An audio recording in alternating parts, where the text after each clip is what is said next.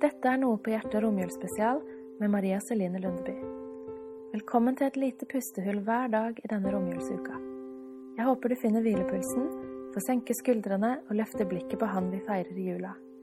Det lille barnet i krybben, vår store Gud.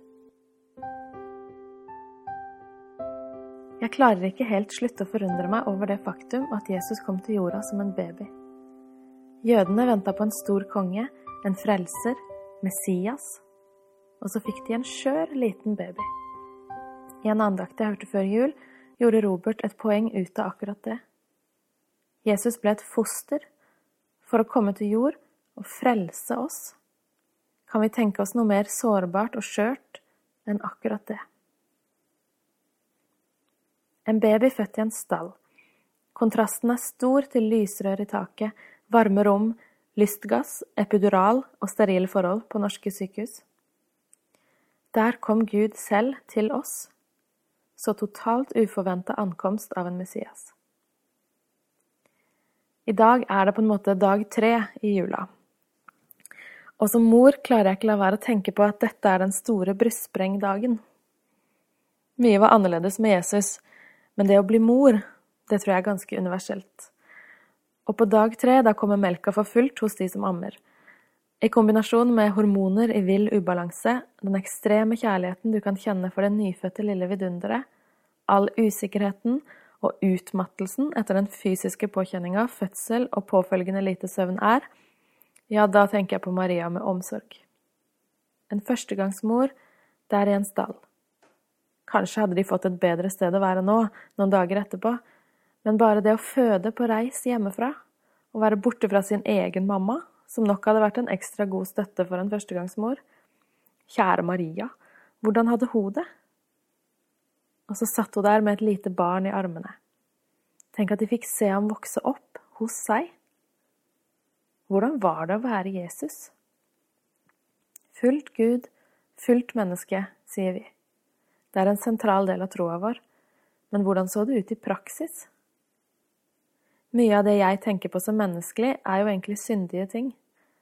Vi er jo bare mennesker, sier vi for å forklare og forsvare oss sjøl.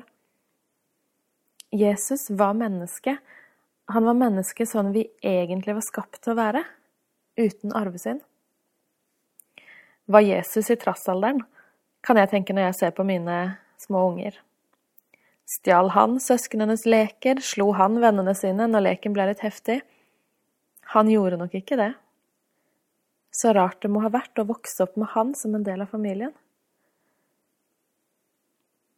I juleevangeliet står det at Maria tok vare på alt som ble sagt, og grunna på det i sitt hjerte. Jeg tror hun fikk mye å grunne på gjennom livet med Jesus, sønnen sin og hennes Gud.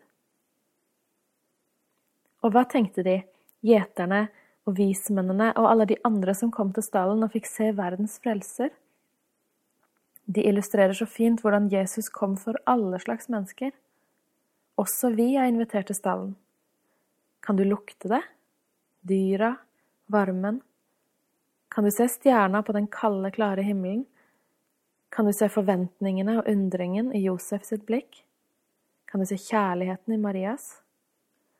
kan du høre gjeterne som ikke klarer å la være å snakke om det fantastiske synet de har hatt av engleskaret som sang for dem. Og kan du se at det er starten på noe helt fantastisk, og at det gjelder deg? I Lukas 1, vers 46-55 kan vi lese Marias lovsang.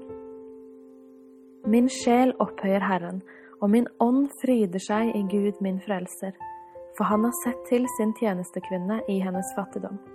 Og se, fra nå av skal alle slekter prise meg salig. For store ting har han gjort mot meg, han den mektige, hellig er hans navn. Fra slekt til slekt varer hans miskunn over dem som frykter ham. Han gjorde storverk med sin sterke arm. Han spredte dem som bar hovmodstanker i hjertet. Han støtte herskere ned fra tronen og løftet opp de lave. Han mettet de sultne med gode gaver, men sendte de rike tomhendt fra seg.